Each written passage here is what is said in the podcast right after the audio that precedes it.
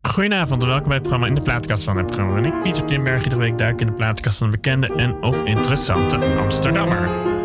Deze week niemand minder dan. Even kijken hoor. Deze week niemand minder. Het circus dat nieuws heet trekt verder. Maar dat wil niet zeggen dat de plek waar ooit het nieuws belandde nu probleemloos is. Dat was de gedachte die bij me opkwam toen ik mij verdiepte in de gast voor vandaag. Vijf jaar geleden was dit circus duidelijk beland in de voorsteden van met name Parijs en ook Brussel trouwens toen.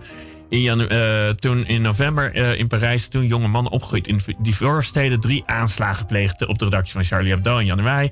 En in november in verschillende uitgaansgelegenheden. Bataclan, we weten het ons vast nog wel. Hoop ik ook een beetje. Voor de gast van vandaag geen reden om in paniek en, eh, te raken en alles en iedereen te wantrouwen, maar juist op zoek te gaan naar wat daarachter zat. Ze, schreef daarover, of eigenlijk van hoe het was om op te groeien in de, in de steden. Ik schreef het duidelijk voordat ik het boek Groot Nieuws had gelezen. Want toen ik het helemaal gelezen had, gaat het niet echt over wat naar achter zit, maar meer over ja, wat, die jongen, wat voor jongen er eigenlijk in die voorsteden leven. Althans, zo heb ik het gelezen. Juist wellicht eh, nu een reden om wel daar degelijk over op terug te blikken op eh, nou ja, de jongen die daar wonen. Een groot plezier in de studio te mogen ontvangen. Corina Duindam, laat over haar wet. Van harte welkom. Dankjewel, Pieter, voor je uitgebreide introductie. Graag gedaan. Eh, en je hebt ook muziek meegenomen, uiteraard. En dan, eh, wat, wat, in wat voor sfeer was je toen je de muziek ging uitzoeken? Ehm, nou, meer dat ik dacht, jezus, er zijn zoveel goede nummers op de wereld. En ik dacht, ja, wat vind ik nou echt... Wat wil ik graag laten horen? Wat wil ik graag delen met andere mensen? En eh, dus ik heb een beetje een mix gedaan van muziek die ik nu heel goed vind en die, die ook eh, ja, nu, nu wat actueler is. Bijvoorbeeld waarvan optredens in Amsterdam zijn geweest. En ook een één nummer vooral. En dat is echt meer nostalgisch voor mij. En het doet me ook denken aan mijn jeugd. En dat is het nummer van de Rolling Stones. Oh ja, dat- alvast maar. Eh, ja, dat gaan we niet meteen draaien, begrijp ik. Hè? Nee, Want je- nee, nee. En, want waar gaan we mee beginnen? Het, het zijn allemaal, wat voor nummers zijn het allemaal vrolijk, treurig? Het is echt alles een beetje door elkaar. Eh, er zit er eentje waar ik nog steeds altijd kippenvel van krijg. Maar de eerste, dat is een heel erg vrolijk nummer van Pat Thomas en de Kwashibu Area Band. Ja, Ehm, dat is Hal- Halkalis eh, Ker. nee, nee, dat was die. Nee, nee, Oh, oké. Oh, ja, oké. Dan gaan we die- toch naar die andere. Ja. Ja, die andere. Ja, precies. Ehm, en ehm, dat is super vrolijke muziek. Eh Pat Thomas is eigenlijk een beetje een, een soort van... ehm, ja, ik wilde zeggen cool, maar dat het niet. Maar een, hele... het- hij is al best wel oud. En in de jaren zeventig uit mijn hoofd was hij echt de man op het gebied van highlife en eh eh, afrobeat samen met Ebo Taylor. Dat zijn een beetje de grondleggers van. En eh, nu treedt hij nog steeds op, maar dan met de Kwashiba Area Band. En ehm, ja, ik word er gewoon heel blij van. Ik was pas bij een concert en ik dacht echt, als ik een religie zou hebben, dan zou dit geloof ik mijn religie zijn. Eh, mooi.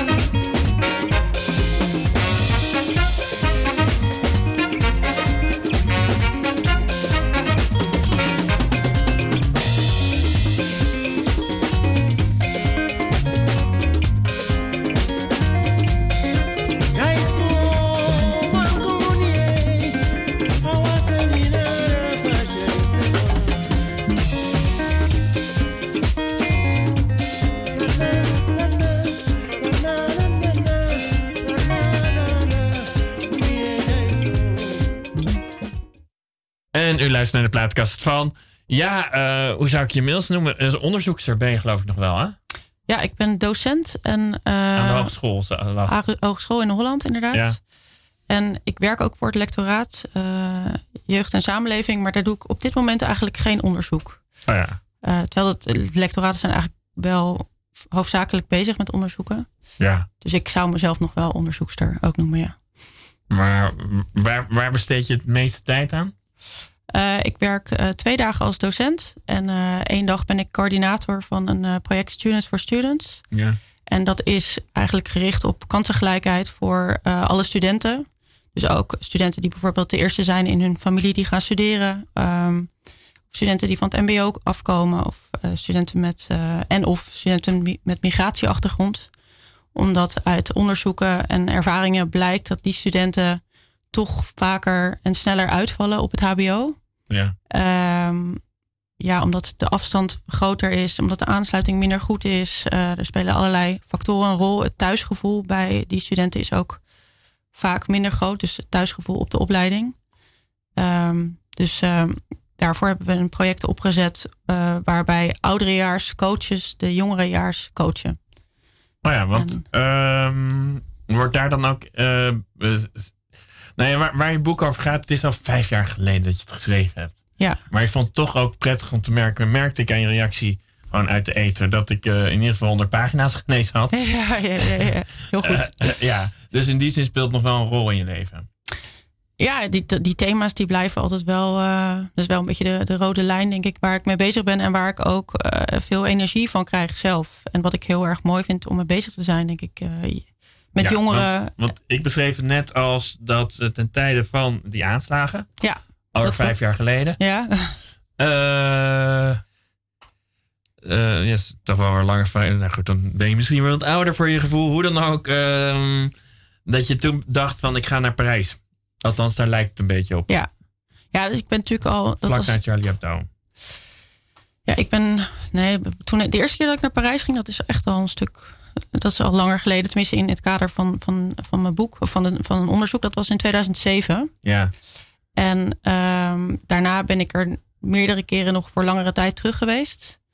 En, um, en toen was ik, eerst was ik dus met, me, gewoon met mijn scriptie bezig en later heb ik het weer opgepakt en ben ik er verder onderzoek gaan doen en dan in het kader van mijn boek. Ja, want even voor de goede orde begrijp ik dat je um, eigenlijk al heel lang geïnteresseerd was in uh, jongeren in, ja, hoe, hoe mogen ze noemen? Achterstandswijken, vogelaarwijken, kanswijken, zoals ze uh, genoemd worden. Hoe zou jij het noemen? Ja, ja, ik zit daar ook altijd nog een beetje mee te stoeien. Um, het lastige is natuurlijk ook als je, als je een Ah, noemer gebruikt, wordt al dan. heel snel stigmatisering in. Ja, en het is natuurlijk ook, weet je, elke wijk is ook weer verschillend. Maar goed, je hebt natuurlijk wel bepaalde eh, Nee, maar goed, gemeenschappelijke het is, Het is kenmerken. geen Amsterdam-Zuid. Laten we dat eh, concertgebouw Nee, nee, ben je niet daar gaan wandelen voor, nee, je, voor interesse. Nee, dus, dus ehm, ja, Eh, kans, kanswijken, laten we het kanswijken noemen. nou, ja, of- Uitdagende wijken. Nou ja, o- o- ook wijken waar jij van nature, althans als ik je nu zie, zou ik maar zeggen, niet zelf bent opgegroeid. Ik heb wel eens eh, gewoon een goede Nee. vriendin van mij, noemt zichzelf een Belmermeisje. Dat herken ik bij haar helemaal. Mhm. En bij jou denk ik niet Belmermeisje. Nee, nee, nee, nee. Ik ben eh, in een heel klein dorpje opgegroeid. En daarna ben ik naar een eh, boerderij verhuisd. zonder koeien wel te verstaan. Ja. Bij, ook in een klein dorpje. Nou ja, dus eigenlijk is Amst- heel Amsterdam, is voor, de, he- het hele gegeven stad is voor jou een beetje sociologische ontdekking altijd toch geweest. Ook, ook Ja, opgeleid, ook eh, überhaupt. Ja, hoe, ja. ja. Hoe, hoe, ervaar je, oh ja, hoe ervaar je dat überhaupt eh, toen je zeg maar voor het eerst een, een meisje, eh, zoals je het nu zegt, meisje uit een klein dorp komt de grote stad in? Was dat een verlangen of was dat dat je dacht, wow, wat overkomt me nu? Nou, ik weet nog de eerste keer dat, dat we echt verhuisden van het, het echt kleine dorpje, zeg maar. Eh, Ja. Toen verhuisden we naar een, een dorp naast Delft. Dus Delft is een middelgrote stad, zou ik ja, zeggen. Fort Haarlem. Ja, ik weet nog dat ik toen heel erg blij was. Dat ik echt zat te springen op het schoolplein. Omdat ik me eigenlijk in dat kleine dorp nooit echt helemaal ehm, op mijn plaats heb gevoeld. Wa- Was jouw familie, jouw gezin toevallig? eh, een, eh, ik zit onmiddellijk na te gaan hoe groot zou gezin zijn. Ik denk één zus en een broer is mijn voordeel. Nee, ik heb Dat- twee kleinere zusjes. Ah, twee zussen zijn net zo groot als ik, net zo lang. Ah, ja, maar eh, ze hebt twee jonge zusjes. Je komt Ja. uit een gezin van drie meisjes, drie Ja. dames. Ja, ja, En ja. het zijn dan twee jongen. Hoe dan ook, eh, wa- was jouw gezin toevallig, het gezin waar je het komt, ook een beetje bij te staan in het dorp? Of valt dat wel mee? Jouw vader en moeder Nee, waren nee, echt, nee, ik eh, denk het niet. onderdelen daarvan. ja, ja, ik zou zeggen van wel. Ja, ik, ik denk. Alleen jij had het verlangen om eruit te knijpen. eh, Ja, ik vond het het niet zo fijn. Maar mijn zusje vond het bijvoorbeeld wel weer fijn. En die vond het lastiger waar we naartoe gingen in het begin. ja. Maar ik had, ja, het ligt denk ik ook gewoon aan de klik die je met je klas hebt. En de sfeer op school. Ik vond de school waar ik zat, was een goede school. Maar het was absoluut geen veilige school. Dus als je een beetje afweek, dan, dan werd je gepest. Dus Ze hadden geen, geen goed functionerend pestprotocol, om het zo maar te zeggen. nou, daar heb ik in ieder geval niks van gemerkt. Nee, nee absoluut niet. Nee, oké, dan weet je dat als kind niet. Maar, maar jij voelde je niet op je gemak. En toen je naar de stad ging, althans naar een middelgrote stad, toen dacht je wel, hé, hey, Ik vond dat al een stuk fijner. Ja, ik had het gevoel dat mensen niet zo. ehm, ja, dat mensen je gewoon wat vrijer lieten. En niet tijd op je letten. Of je wel de goede kleding aan had. Of je je wel normaal gedroeg. Dus dat had ik al in, in Delft. ja. En toen in Amsterdam. Toen op een gegeven moment voelde ik van. Ik wil toch. Dit, ja, ik merk dat ik toch nog iets vrijer wil of zo. En toen ben ik naar Delft gegaan, tien jaar geleden. Toen naar Amsterdam bedoel je het, geloof ik. Eh, sorry, Amsterdam gegaan, ja. Ja. en eh, ja, En dat, toen, was, toen was dat voor het eerst alleen wonen toevallig? Of, eh, Nee, nee, in Delft woonde ik. eh, ik ben ook in Delft, heb ik op kamers gewoond. oh ja. En ja, ik denk dat Amsterdam heeft natuurlijk wel veel mogelijkheden. En tegelijkertijd, ik bedoel, als je tegen een Indiër zegt dat je in een grote stad in Nederland woont. En met, eh, wat is het tegenwoordig, 860.000 800.000, ja. eh, inwoners. Dat is in andere landen misschien wordt het Ook gezien als een dorp. Ja. Ja. Ehm, maar ik, ja, ik vind, dat vind Nee. ik nog steeds wel dat die, die sfeer hier eh, en de mogelijkheden en de verschillende subculturen. En ja, je hebt denk ik meerdere groepen bij wie je kunt aansluiten hier Ja. dan in een kleiner dorp. Nee, ik kan me ook voorstellen, maar eh dat is eh, echt, ik corrigeer al mijn voordelen. Mhm. Eh, dat eh, ik, eh, misschien omdat ik er ook alweer twintig jaar woon, maar Amsterdam Mhm. voelt voor mij ook als verzameling dorpen. Terwijl ik het beeld dat ik van Parijs heb en helemaal wat jij beschrijft, Mhm. die wijken, denk ik, dat kan je misschien de sfeer onderling, maar kan je toch moeilijk als dorpen zien, als een verzameling dorpen zien. Zo. Nou ja, Althans, dat was ook het beeld dat we vanuit Ja. het nieuws toen kregen, hè? ja, en aan de andere kant weer wel een beetje. Als ik nu kijk bijvoorbeeld, ik woon nu in Tuindorp Oostzaan. Ehm, In Noord. in Noord. Eh, Dat is in die zin ook, eh, is, was een, een, echt een arbeidersbuurt. En nu heb je meer Juppen. een mix. Heb je Ja, gentrification, om het lelijk woord maar eens even voor het Ja. voorschijn toveren. Precies, die komen ook allemaal verschrikkelijke mensen allemaal. Nee. nee, kijk, was ik, vind het woord heel vreselijk lelijk, maar wat ze ermee bedoelen is gewoon een verschijnsel. Ja. Ja, Ehm, maar goed, dat, dat is in die zin ook een, een klein dorp. En in, in veel ehm, buitenwijk of, of kanswijken, zie je ook wel dat. Uh, nou, dat, dat zie je vooral in Parijs, dat die binding met de buurt, die is wel weer heel erg belangrijk. Dus, Ja. dus juist het feit dat mensen samen wonen, samen in een lastigere situatie zitten, zorgt juist ook wel weer voor meer sociale cohesie met elkaar. Daar verschillen overigens wel de meningen over tussen verschillende socia- goede, bekende, eh, gerenommeerde sociologen. Ja. Je bent ook gewoon sociologe, toch? Ja. Ja, maar ik ben natuurlijk nog een soort Ja, relatief beginnend. ja, relatief beginnend. Maar er zijn ook mensen die eh, de oude rot in het vak. Dus je hebt eh, mensen die echt spreken van ja, maar er is meer de culture of poverty. Dus, dus mensen die eh, hebben, er is juist heel erg weinig binding, want mensen zijn alleen maar bezig met overleven. Ja. Maar er zijn ook sociologen die zeggen juist van nee, juist, juist die buitenwijken in, in, in Frankrijk, die kenmerken zich door een enorm sterke binding en een identiteit die echt verwant is aan het wonen in die wijk. In zo'n flat, zeg maar. Of Ja, of gewoon echt een. en Dat is ook wat ik in mijn boek heel sterk beschrijf. Dat je daar, als je in een wijk woont, dan noem je je ook echt de jongeren uit die wijk. Waar ik onderzoek deed. ehm, die, die wijk heet, noem ik in mijn boek, Cité des Nuages. Ja.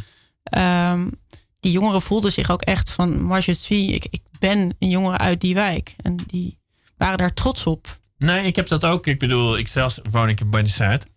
Eh wonen wij. Niet alleen.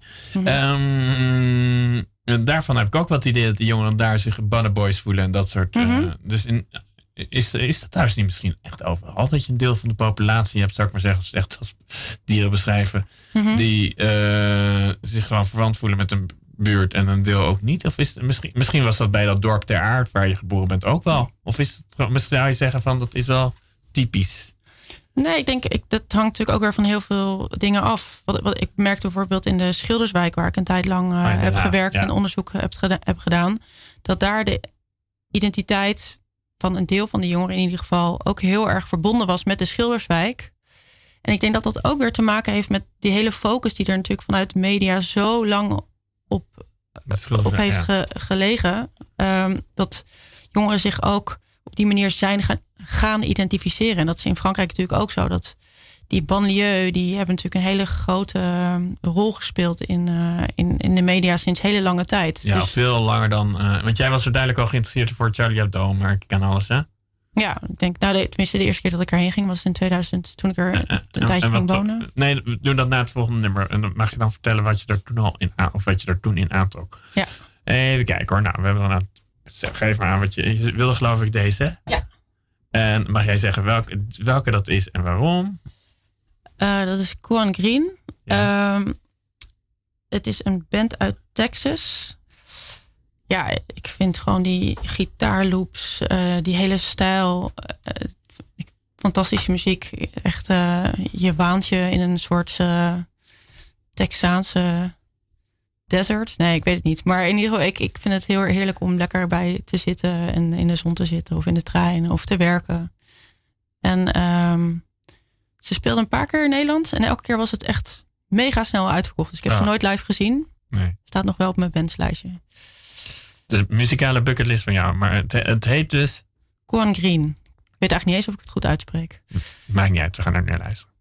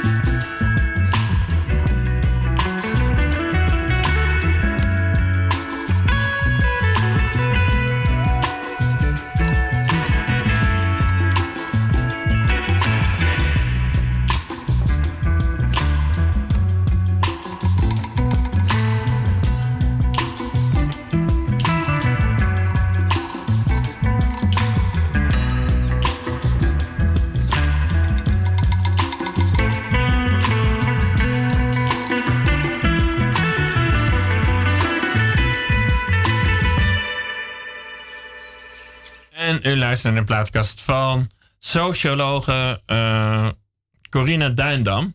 En we waren net uh, beland uh, bij het gegeven dat je, althans zo interpreteer ik, dat, dat, dat um, je wel een beetje werd vanuit Amsterdam, werd je een beetje getrokken door de banlieue van Parijs. Maar ik zie je aarzelend kijken. Ja, ja, dat is, ja, een stuk. Dat, je? Waarom nou ging je er in 2007? Want je ging er niet met vakantie naartoe. Dus waarom ging je er naartoe? Nee, nee ik, ik zat niet, het was 2008, zal ik net oh. denken. In 2007 ben ik uh, voor het project Vooruit uh, in Osdorp uh, komen te wonen. Ja. Het is een fantastisch project, vind ik, waarin studenten. Bestaat ook nog steeds? Ja, zegt. zeker. Ja. Um, en volgens mij is het ook enorm gegroeid. het idee is dat studenten dus voor heel weinig een woning in een wat armere buurt een kanswijk, hoe we het net uh, volgens mij hebben bedacht. Waar, waar, heb jij het beste gevoel bij? Want je, ook voor jezelf. Ik bedoel, ja, ik, ik weet het. Je, je bent er nog uh, in al die jaren ben je er nooit echt lekker uitgekomen. Nee, nee. Osdorp, laten we het nu zeggen. Ik ja, gewoon een wijk bij naam noemen. Ja. Dan mogen mensen zelf beeld creëren. Precies. Um, en uh, in, in, in ruil voor dus die goedkope woning doen studenten dan activiteiten in de wijk. Ja. Die gericht zijn op de ontwikkeling van um, bijvoorbeeld jongeren, kinderen. Uh, dus zo kwam ik in die wijk terecht. Uh, als jonge student, nou ja, inderdaad uit een klein dorpje. En, um, een beetje Delft. Ja, en het was, ik vond het echt een hele mooie ervaring. Ook ja. omdat, nou ja, het hele beeld wat we van die wijken hebben is natuurlijk verschrikkelijk. Uh, vooral negatief. Ook over de mensen die er wonen. Het is een heel eenzijdig beeld. En natuurlijk is het zo als je gewoon ergens gaat wonen en echt mensen leert kennen en um, de processen, de, alle factoren die een rol spelen in die wijken, als je die echt, echt meer gaat voelen, ook al ben je natuurlijk een buitenstaander en, en kom ik uit een heel ander gezin. Um, daar. Je bent je ook wel altijd een beetje buitenstaander blijven voelen, geloof ik. Ja, tuurlijk, tuurlijk. Ja, ja dat, dat, dat kan ook niet anders. En dat is misschien ook wel weer nou ja, goed in die zin. Ik denk, uh, je kunt ook niet doen alsof je er helemaal bij hoort. Want het is natuurlijk ook niet zo. Maar ik vond dat, ik, ik heb daar echt een, ja, heel veel dingen geleerd, denk ik ook. En ook over mezelf en, en je eigen positie in, in die wijk, maar ook in de maatschappij en de positie van de mensen in die wijk. En ook al die stereotypes die je toch bewust en onbewust hebt, die leer je daar ook wat meer met andere ogen uh, zien. En Waar ik vooral door getriggerd werd, was dat ik merkte dat in Osdorp uh, kinderen al zo erg bezig waren met die etniciteit. En um, dat ze zichzelf en de ander echt de Turken, de Nederlanders, de Marokkanen. Ook waren ze super klein. Dat ik dacht, hé, maar hoe kun jij hier al zo van bewust zijn? En dat triggerde mij, omdat ik. En, en na je test, uh, um, want ik, ik kom, uh, uh, ik voldoe volledig je voordelen als wit, witmans hoor. Want mm -hmm. qua sociale vrienden en dat soort dingen. Mm -hmm. Maar ik kom regelmatig naar de kapper en die zegt tegen iedereen altijd bij landsnaam: Hey Turk, hey, hey Egyptenaar, hey Hollander. Ja. Daar zit geen oordeel in. Het is alleen even een maar zoals jij het nu in je toon beschrijft, heb ik ook het mhm. idee dat een eigenwaarde daarmee omlaag gaat. Dat Turk zich misschien minder of meer kan voelen dan de, dan de Egyptenaar of dan de Iranees. Ik zeg maar iets Of wat nou dat ja, mee? Nou, dat, dat was niet eens wat me. Nou ja, goed, er zitten natuurlijk ook allerlei oordelen hangen daaraan vast. Want ja. uh, je eigen groep vind je natuurlijk altijd leuker. Maar wat ik vooral fascinerend vond, is van hoe worden die groepen op zo'n jonge leeftijd al bepaald? Want ja. weten zij eigenlijk wel echt iets over die, de ander? Ja. En de ander was in dit geval dus degene met die andere etnische achtergrond. Uh, en, en in de hoofden van die kinderen was de ander echt heel erg anders. Dat merkte ik ook in de gesprekken. Dat was echt de tegenovergestelde van hunzelf. Ja. En nou ja, ik ben natuurlijk socioloog, dus ik was eigenlijk best wel gefascineerd door van nou, hoe ontstaat dat nou? En wat ik in films vooral, geloof ik, had gezien in Frankrijk, in die Franse buitenwijken, was dat juist alle kleuren door elkaar liepen en, en met elkaar daten. En toen dacht ik, hè, dus dat ziet er. Dat... dat zeg je ook heel duidelijk in je boek, hè? Ja. Dat dat uh, in die zin een uh, tolerantere samenleving. Nee, dat zeg ik niet in mijn boek. Nee, in ieder geval dat ze uh, minder expliciet op een achtergrond oordelen. De scheidslijnen liggen anders. Ja. Dat is wat ik zeg. En, en, en wat ik daarmee wil zeggen is dat we de scheidslijnen dus echt zelf creëren. En dat ze onze eigen gecreëerde werkelijkheid zijn. En daarom heet mijn boek natuurlijk ook De gekleurde werkelijkheid. De gekleurde werkelijkheid. Want wij geven daar zelf die kleur aan. Ja. En uh, ik heb deze vraag vaker gesteld, maar ik vind het ook interessant. Hoe kan je dat in jezelf voorkomen?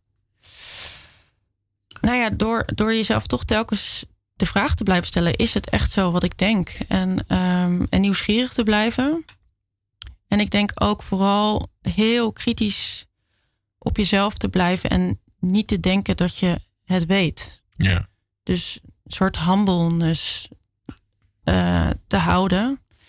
Um, ja, en ik denk, ik denk eigenlijk dat we ons allemaal voortdurend moeten blijven bijspijkeren. Van klopt eigenlijk wel dat beeld wat ik heb van de ander? En, um,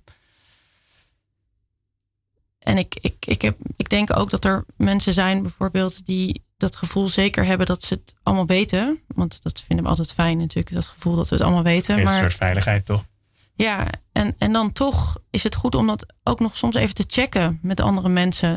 Um, en, en misschien, nou ja, en ik denk ook wel wat heel erg helpt, is um, ja, kom uit je bubbel.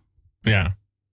En dat, dat vond ik wel grappig dat na mijn boekpresentaties toen in 2016 waren er heel veel mensen die me vroegen: ja, maar hoe doe je dat dan? Nee, wat, wat, moet ik doen? Wat moet ik doen? En ik heb natuurlijk dat antwoord ook niet. Nee. Ik bedoel, uh, nee, en ik kan me ook wel voorstellen, op het moment dat jij dat deed, toen was je een student van ja, in de twintig. Ja, eind. En je had een leuk, ja. zo, je had een prettig soort opdracht aan jezelf gegeven natuurlijk. Je ging Ja. daar uh, ook met dat doel, ging je ook naar Parijs. Ja, ja, precies. Ook in het begin niet altijd even makkelijk, uh, kreeg ik ook een beetje door. Nee, eh, nee, absoluut niet makkelijk. Nee. Nee, dus het kost ook tijd. Ja, absoluut. Ja. Ja, maar het is ook een prioriteit, denk ik. Ook nog steeds trouwens in je huidige leven, dat als je. Uh, want je woont nu inderdaad in Noord. Nou, je hebt oude, laten we die er even bij pakken. Want het blijft wel een beetje onder, onder blank volk uh, in, in het gesprek. Ja. Maar je hebt daar heel duidelijk het onderscheid tussen Oud-Noord en Nieuw-Noord. Ja, absoluut. Nou, ik, absoluut. ik kan van een kilometer afstand zien dat jij eerder tot Nieuw-Noord behoort dan Oh, tot. Oud-Noord. Ik heb, er zijn mooie labels die je op mij kunt plakken. Ja, Ja, absoluut. eh, ja, ja, ja, ja, zeker. Eh, en, en, en, en, en ik ook, kom ook al tien jaar wonen. Zo, ik zal geen oude Noordeling zeggen, hij is er een van ons. Wel, ik geloof wel tien jaar en één jaar is dan toch wel weer een positief puntje, geloof ik. ja, ja, ja, ja, ja. Maar eh, eh, merk je ook dat je dan eh, probeert opener te staan voor de oude Noordeling, zou ik maar zeggen. Ja, god, voor zo moeilijk. Nou ja, ik bedoel, ik denk, weet je, in, in, in, de, in Osdorp en de Parijse buitenwijk gaat het misschien meer over eh, kleur. En het gaat ook tegelijkertijd heel erg over sociaal-economische verschillen. Ja, in, in, in Parijs denk ik meer dan in Nederland. Ehm, maar goed, die, die scheidslijnen die kun je natuurlijk op allerlei manieren zien. En in, waar ik woon is het inderdaad meer ehm, ja, Oud-Noord en Nieuw-Noord. Dus de, de, de mensen die eh, de juppen of de... de- hoe ik, Ja. Het label wat ik de eerste dag dat ik er woonde op mij geplakt kreeg. heb je, heb je een bakfiets toevallig? Maar even heel fluiten. Nee, maar wacht, je moet nog even wachten. sorry. Want ik ga daar nu op in. Oké, ja. Dus dat een van de mevrouw van het Zonneplein die zei tegen me van ja, wij noemen jouw soort mensen, wij noemen jullie bakfietsmensen. Oh ja. En ons soort mensen noemen we de oude Jordaners. ja. En ehm, ik had toen nog geen bakfiets. Oh ja. Waarmee ik je antwoord al heb eh, beantwoord.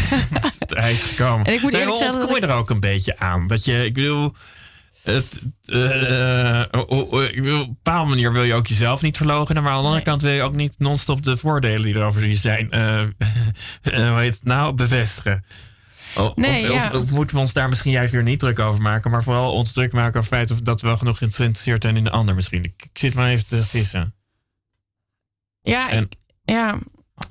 Ehm, nou, ik, weet wat, wat, ik weet niet precies wat, voor- wat voor vraag je stelde eigenlijk, maar kun je nog even... Nou ja, nee, ik ga hem anders stellen, want dan komen we wat dichter bij je huidige werk ook. Mhm. Want eh, we kunnen ons over onszelf een beetje lachen toen wij de, Mhm. wij de nieuwe Noordeling. En ik vind Ja. het interessant omdat je daar ook een soort spanning hebt die voor ons allebei toevallig eh, in onze directe woonomgeving speelt. Mhm. Ja, Maar jij bent veel heftiger bezig, namelijk eh, ook in je huidige werk met het Mhm. toegankelijker maken, zorgen dat dit, dit geen echt probleem is voor de, kinderen, voor de jongeren die hogerop willen, of hogerop willen komen, die Mhm. meer willen bereiken in hun leven dan in hun eh, groep blijven hangen, zou ik maar ja, zeggen. ja. Ja, heftiger. Nou ja, ik, nee, ik weet niet of het heft. Het is, het is op een andere plek en het is op een andere manier. Uh, aan de andere kant, de jongeren zijn natuurlijk ook nog heel erg uh, uh, wat veerkrachtiger dan. dan 40-plussers, 50-plussers. Of 60 of 70-plussers. Dus ja. die beginnen natuurlijk pas net en die zijn ook nog aan het ontdekken. En in die zin vind ik het juist ook een superleuke groep om mee te werken. Juist omdat die nog zo erg, ja, toch, toch ook wel nieuwsgierig zijn. En ik, ik merk echt ook in, ik ben mentor van een klas. Um, Wat voor leeftijd trouwens? De jongste zijn rond de 17 en de oudste zijn zo 25, 26, 27. Ja. En jij bent in de 30 toch zo'n beetje, als ik nou reken. Ja, ik ben uh, 36, ja. ja. En echt. Nee, en ik vind het juist mooi hoe, hoe ze met elkaar omgaan, hoe ze elkaar weten te vinden en ook een hele veilige sfeer met elkaar creëren. Um, terwijl iedereen ergens, weet je, sommigen komen uit Amsterdam, sommigen komen uit uh, Purmerend, uh, sommigen komen van de HAVO, anderen die hebben eerst MBO gedaan, anderen hebben weer heel lang gewerkt, uh, allerlei verschillende etnische achtergronden, geloven. ik denk echt wat wij in onze klasse hebben. Nou, ik, ik heb soms ik het gevoel van volgens mij moeten we alle ministers een keer bij ons in de klas uitnodigen. En gewoon laten zien wat, wat er nou gebeurt. Dat, dat is gewoon zo super divers. Ja, zullen we even naar muziek gaan? Dan gaan we daar nou, uh, verder over. Uh, nou, over super diversiteit gesproken. Laten we dan nummertje 1 in de lijst daar doen. Dat, uh, die hadden we gehad? Of, oh, die, die hadden we nog niet. Nee, oh, dat is Alten Gun. Nee, die hadden we uh, is een Amsterdamse band. Ja. Um, met wortels in Nederland en in Turkije. Ja. Ze spelen vooral Turkse covers uit uh, de jaren 70, uh, Turkse covers. Ja. En um, ja, echt een fantastische band. zulke goede muziek. Ik heb ze één keer, nee, ik heb ze meerdere keer gezien. Eén keer toen waren ze nog niet bekend in een klein zaaltje ja, ergens. Hoe kwam jij er dan op een spoor? Ja, toevallig waren gewoon, het was een benefietconcert. Oh ja, dat is ehm, echt toevallig beland. Ja, en toen speelden zij en het dak ging eraf. Iedereen werd helemaal gek. En afgelopen jaar, ze hebben meerdere keren ook in Amsterdam opgetreden. Natuurlijk, want het is een Amsterdamse band. Uh, en ja. in Paradiso uh, vorig jaar. En dat was fantastisch. Iedereen stond keihard te dansen. Er waren ook veel mensen met een Turkse achtergrond... die allemaal van die oude liedjes nog mee konden zingen. Uh, kan, kan inderdaad uh, muziek wel een goed glijmiddel zijn om culturen bij elkaar te brengen? Uh, ja en nee. Um, ik denk enerzijds wel. Anderzijds is het natuurlijk ook, als je daarin blijft hangen. Uh, het gaat natuurlijk niet, niet alleen om muziek. En, en uh, als je alleen maar het gevoel hebt van, oh, ik hou van Afrika, want Afrikaanse muziek is leuk. Dan mis je natuurlijk heel veel andere facetten van, überhaupt is Afrika geen land. waar bestaat het uit? Dus die. Dus niet helemaal, hoort een beetje. Nee, maar ik denk, ik denk op zo'n avond, ik denk dat het, ik vond het wel heel erg mooi dat mensen die elkaar misschien niet zouden ontmoeten, die stonden hier um, zij aan zij ja. te genieten van hetzelfde. En um, nou, dat heeft zeker een heel mooi effect, denk ik.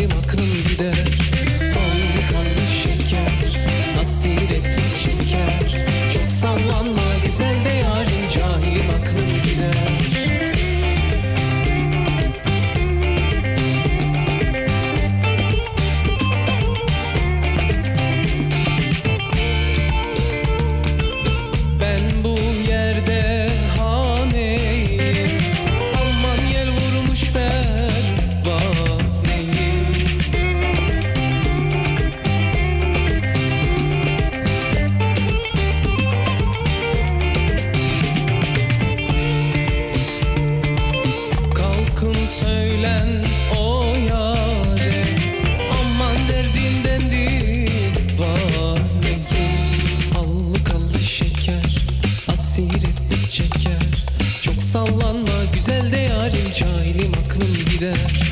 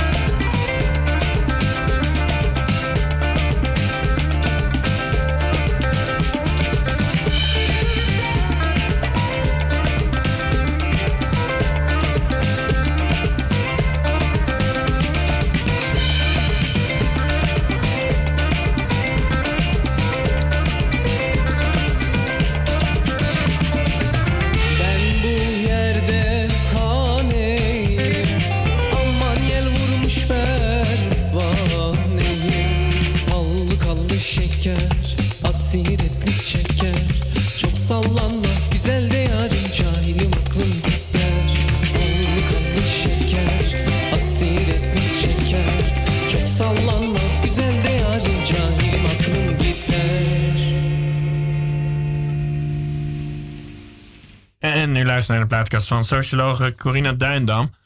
ja, ik had in mijn inleiding, ik wil me even toch erbij pakken, over dat vijf jaar geleden toen je dat boek schreef, net de aanslagen in Charlie Hebdo. En toen had iedereen terecht over van eh, die, die, eh, nou, die buiten, we hebben ze inmiddels de, de, de wijken bij naam genoemd, maar bepaalde wijken waar dat soort sfeer ontstaan, waardoor mensen zich totaal niet meer bij de samenleving betrokken voelen. Mhm, Waar ja. jij relatief dan even dichtbij zat. ja, ja. Toen- Toen, ik dit interview ging voorbereiden, dacht ik, je moet er nu even vragen hoe de thermometer er nu voor staat, of ze daar een beeld van heeft. ja. Dus Nou, de laatste keer dat ik eh, daar ben geweest in, in, in de buitenwijk van Parijs, Cité de Nuage, dat is wel een paar jaar geleden alweer. maar in Nederland werd ook gesproken van soortgelijke sferen. Ja, nou dat, dat, dat is wel, dat merkte ik nog wel in, eh, in de Schilderswijk, waar ik tot 2017 eh, onderzoek heb gedaan. En dat onderzoek ging ook over het vertrouwen van jongeren in de politie in de Schilderswijk. Ja, En toen hebben we. Nou, ik werkte daarvoor ook al in de Schilderswijk. Dus ik werkte ook veel met jongeren. En ik heb toen in het kader van het onderzoek ook heel veel jongeren gesproken. En ik merkte wel dat er zoveel frustraties waren bij heel erg veel jongeren. En zo een laag vertrouwen in de hele Nederlandse samenleving. ja. Wat je een beetje Eh. dan ook ziet bij die eh, rare kerel, extreem, die eh, door de eh, enquêtecommissie nu is. eh, die, Van, de, van die politieke partij. Ja, Ehm, nee, niet denk, maar ik bedoel meer die man die ze aangesproken hebben, die de politieke enquête, heb je vorige week speelde dat. Whatever. Kwartje valt heeft dit Nee, en ik kan niet op snel komen. Dus. Hoe dan ook, geen vertrouwen in de politie en geen vertrouwen in de maatschappij, zei je in de Schilderswijk. Oh, je bedoelt, bedoel je Akerboom? ja, ik Of denk. niet? Ja, Die nu opstapt. met die jurk. Oh, oké. Nee, dan weet ik niet waar Oké, het over. Nee. sorry. Ehm, ja, dat, dat, dat, dat, speelt, ja, dat speelt zeker daar. En ehm, natuurlijk niet bij alle jongeren.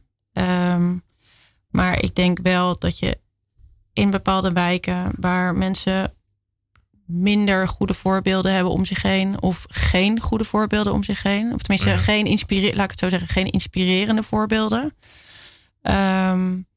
Dus veel mensen om zich heen met die in een uitkering zitten, die laag opgeleid zijn, die zelf ook weinig vertrouwen hebben. Dan is het natuurlijk ook heel, heel erg lastig om je omhoog te aan iemand omhoog te trekken of ehm, ja, om, om geïnspireerd te raken. Ja. En, en natuurlijk ook, ik denk dat ehm, ja, sommige jongeren leven ook in een bubbel. En sommige Leeft niet iedereen een beetje in een bubbel? Ik denk dat, dat, dat iedereen op een bepaalde manier wel Ja. in een bubbel leeft. En, en sommigen misschien nog wat meer dan anderen. En, en nu is het wat heftig moeilijker om uit die bubbel, om je daarvan te wacht te maken vanwege internet? Of is dat... Ze, Ja. ze hebben wel gezegd van... eh, de kranten zorgen er wel een beetje voor dat je nog wat kennis gemaakt hebt, onbewust al, al met andere meningen. De dat zelf- kranten. Ja, kranten. ja, maar wie leest meningen. er nog van Ja, de jongeren krant? Ik bedoel, dus nu is- jongeren lezen de krant via moeilijk Facebook. om je aan of, die eh, bubbel te ontsnappen, bedoel ik. Ja, ja, absoluut.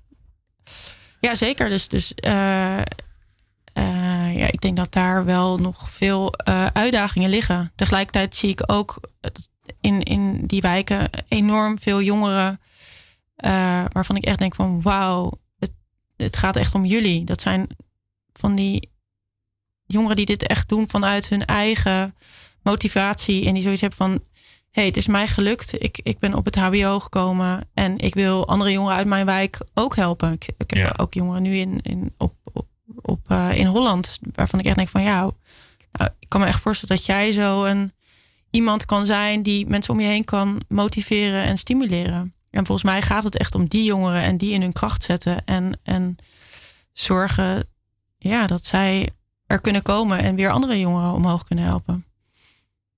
Ja, nou ja, en ehm, waar ik ook een beetje naar dat eh, wat ik af en toe de indruk krijg, eh, ook wel een beetje van wat jij zegt, is dat de maatschappelijke eigenwaarde van hele groepen Mhm. zo laag is. Niet zozeer met betrekking tot individu, maar wel mijn groep die niet eh, ge- gezien wordt. En als je daar dan onderdeel Ja. van bent, ik denk dat, dat, dat als jij tegenwoordig een Amsterdamse mm, Marokkaanse Nederlander bent, ja, dan zul je het bijvoorbeeld in sommige gevallen wel lastiger hebben. En dan is het tegelijkertijd ook weer zo erg afhankelijk van hoe je erin staat. Want ik, Ja. ik heb ook heel veel studenten met bijvoorbeeld een eh, Marokkaanse achtergrond. Eh, nou, die gaan echt als een speer. ja. Die, en, eh, en, en die hebben er ook eigenlijk, ik eh, die hebben er ook niet zoveel last van. Dat ze eigenlijk zeggen, ik vind Nederland eigenlijk wel wel gezellig en leuk. Of is, het, is er toch een soort irritant soort bijlading? Nou ja, ik denk dat zij eh, zeker af en toe. eh, nou, ik, denk, ik denk waarom zij het redden, is dat zij bijvoorbeeld heel veel veerkracht hebben. Ja, En ehm, hebben geleerd om zich daarin te manoeuvreren. Want ik denk helemaal als je dus in al die verschillende werelden je plekje moet vinden, dan moet je wel heel erg veerkrachtig zijn om je in al die werelden staande te kunnen houden. En ik denk dat dat echt een beetje de. Nou, er zijn natuurlijk nog veel meer factoren ook. Hoe je bent opgegroeid, of je in een liefdevol gezin bent opgegroeid, hoe je ouders erin staan. ehm, op wat voor school je hebt gezeten. Maar en ik denk, en ik denk ook heel erg ehm, met wie je te maken hebt, bijvoorbeeld op school. Als jij een docent hebt die eh, racistische grapjes maakt, ja. eh, dan kun je nog zo veerkrachtig zijn. Maar als je daar alleen in staat, dan kan ik me voorstellen dat dat je enorm kan demotiveren. Tenminste, dat kan ik me niet voorstellen. Dat, dat, is bij- ook gewoon uit Hoe sterk cijfers. je ook bent, dat zit er altijd in. Bedoel je? Ja, dus het ligt denk ik ook heel erg aan of je pech of geluk hebt en veerkrachtig bent. Ja, want dat project waar je mee bezig was, dat je in het begin zei, eh, Mhm. je was met een soort project bezig om MBO'ers het makkelijker te kunnen maken om de volgende stap te zetten, geloof ik. Nee, het is, nee, het is meer. eh, het, het project heet Students for, Stu- eh, Students for Students. Ja. Ehm, en eh, wij hebben bij in Holland Amsterdam eh, een heel groot deel van de studenten is afkomstig van het MBO. Ja, Meer dan op veel andere hogescholen. En wat je merkt is dat veel studenten die van het MBO komen, net zoals studenten die eerste generatie student zijn, dus die de eerste zijn in de familie die gaan studeren, en studenten met een migratieachtergrond, dat die drie groepen, zeg maar, dat die het vaak wat lastiger hebben. Om die reden die ik eerder ook noemde. En dit project is ervoor bedoeld om ervoor te zorgen dat die studenten eh, meer hulpbronnen om zich heen hebben. Dus in de vorm van coaches en in de vorm van hun medestudenten, waarmee ze dan een soort van community vormen. En ehm, ja, zich zo meer thuis voelen op de le- opleiding en ook meer kans hebben om ja het ook goed te doen. Sterker voelen staan. Ja, Zijn de bruggen de afgelopen vijf jaar groter geworden of kleiner in de maatschappij? volgens de cijfers ook groter. Dus, dus de afstanden zijn ehm, ook tussen de verschillende etnische groeperingen bijvoorbeeld niet kleiner geworden. Nee. Ehm, tegelijkertijd heb ik ook wel het gevoel dat ehm, er ook nu een hele super diverse cosmopolitan jeugd opgroeit die gewend zijn om in een hele diverse stad te wonen. En daarin dus ook eh Ook beter weten bewegen. Ik, ik zeg het even. ja, ja, nee. Ik Oh, heb het, ook, als ik ik het bedoel- daarover heb, bedoel ik alle. ja, als ik ja. Mijn, mijn kinderen neem, die, eh, ik ben met een, een, een wit meisje getrouwd, zeg maar zeggen, hartstikke Mhm. Nederlands. Mhm. Qua eh, tot in de derde graad, denk ik. Ja. Eh, ik geloof vier, vier ouders ervoor is het ook Duitsland. Dus dat betreft vind ik altijd een beetje een onzingesprek. Hmm. Iedereen heeft wel een eh, niet-Nederlandse voorouder. ja. Maar dat heel erg terzijde. Dat, eh, die zijn denk ik ook meer gewend dan ik om donkere kinderen of kinderen met een islamitische achtergrond of wie het, welke titel je het ook verder geeft, om die in de klas te hebben dan ik, die eh, redelijk wit is opgegroeid. Ja, nou, dat kan. En tegelijkertijd eh, was er pas ook weer een soort alarmerend rapport over heel veel witte ouders in bijvoorbeeld Amsterdam. Ja, Hoogopgeleide ouders die hun kinderen op andere scholen stuurt dan in de wijk, Ja. eh, die volledig wit zijn. Omdat, nou ja, eh, ze bang zijn dat die andere scholen weinig kwaliteit Nou, hebben. Ehm, ik bedoel, wij wilden heel duidelijk gemengd. hoor. We wilden niet zwart, dat vonden we tricky. Maar eh, het sluit het wit en eh, ons, ons kent ons, om maar even zo'n vreselijk term te zeggen. Of ons soort mensen nog erger. ja, Dat, ja. Dus dat is, dat is, maar dat is een dilemma waar ieder ouder natuurlijk voor komt. En de mhm. mensen die er minder bewust voor bezig zijn, die kiezen denk ik voor veiligheid vaak gemiddeld. Ja, maar goed, dan, dat is dan weer meteen de invulling. Wat is dan Ja, veiligheid? juist. Want eh, is het dan heel erg veilig dat je alleen maar leert opgroeien met mensen die precies er zo uitzien als jij? Maar ik denk niet natuurlijk. ja. Ehm, en dat lijkt me ook weer heel erg onveilig. Want hoe ga je dan daarna functioneren in, in dit land? Ja. ja. ik denk dat heel veel mensen overigens wel goed kunnen functioneren. Maar ik denk niet dat ze daarmee het beste bijdragen aan nee. deze samenleving. Is, is dat een gesprek dat je als samenleving non-stop met elkaar moet aangaan? Ja, ik denk dat je elkaar zeker non-stop moet wakker houden. En ehm, de hele tijd met die bewustwording bezig moet zijn. Ja, ik denk echt dat het wel een moed is. En ehm, dat dit ook ja, altijd op de agenda moet staan. Gewoon van hoe, hoe kunnen we hier nou toch ja, ons bewust van ons, ons bewustzijn in vergroten. Ehm, en tegelijkertijd kun je mensen natuurlijk ook niet dwingen om bepaalde keuzes te maken. Maar ik denk dat je wel als overheid de taak hebt om ehm, mix te faciliteren. Ja. En, en, en daarin dus ook die keuzevrijheid misschien te beperken. En te zeggen van oké, jullie wonen in die wijk. Dus jullie gaan in die wijk op school. En in die wijk eh, is de mix oké. Maar goed, da- daar, dat is Het natuurlijk zijn een hele, hele lastige gesprekken. zijn hele la- Eh, Ja, ik weet het. Ja. Ja. Brengt dus wel langs, we- zijn niet echt tot een eindconclusie gekomen, zijn we niet erg. Want dit is ook een non-stop gesprek. Want volgens mij bij de Mhm. oertijd speelde het natuurlijk al, denk ik ook wel eens. Ja. Eh, vol, ja, speelt zo, zolang er mensen zijn, zijn er verschillen en zijn er Mhm. generalisaties. Of is dat een te grote relativering? Ja, dat is toch ook wat minister Blok ooit zei. Van ja, racisme zit in ons bloed. Of in ons, eh, zit in ons eh, toch niet een systeem. VVD'er zo aan het eind? Niet Eh, over generalisatie gesproken. ik denk dat we daar dus de hele tijd... aan ons- moeten werken. ja, om, in ieder geval daar bewust van te zijn en daar niet in mee te gaan. Mooi. Waar gaan we mee eindigen? Ah ja, dan moet ik kiezen tussen Rolling Stones of William Fitzsimmons. Ehm, die ene is echt een, een treurig liedje eigenlijk waar je echt kippenvel van krijgt. Beast of Burden? Of, eh? Nee, die, die William Fitzsimmons. Oh ja. Eh, en die andere Rolling Stones is meer echt een gouden ouwe. Zullen we die Eh, maar doen? Ja, daar heb jij meer zin in volgens mij. Oh ja, ja nee, dat is de keu- die, die heb jij de keuze gemaakt. We doen de terug. Oh. Ja, nee, het gaat om jou. Dus dat is, eh en het is trouwens ook handig om te kunnen nog. Oh ja. En waarom die eh, Everywhere van William Fitzsimmons? Eh, ja, omdat je daar kippenvel van krijgt. Ik in ieder geval. Mooi. Zijn er nog projecten waar je nu expliciet mee bezig bent, anders dan je genoemd hebt? Of eh, Ehm, mijn dochtertje. je dochtertje? Dat is en die komt op een gemeente school, neem ik aan? Of, eh, Ja, ehm, nou dat is wel, we hebben wel, we willen haar heel graag op een, in ieder geval niet op een compleet niet diverse school. Ehm, en we hopen dat de school, het schooltype wat, maar dat- want het is een nieuwe school die wordt opgericht en die is wel gericht op eh, intercultureel onderwijs. ja. Wat, en dat vinden we allebei heel erg belangrijk. Dus ik hoop zeker dat dat ook eh, heel veel mensen een veilig gevoel geeft om hun kinderen daar naartoe te sturen. Gewoon, eh, als je allemaal minderheid bent, ben je met z'n allen samen, toch? Een beetje. Precies, ja. Dankjewel. louder, I'll even shout. Know that I'm proud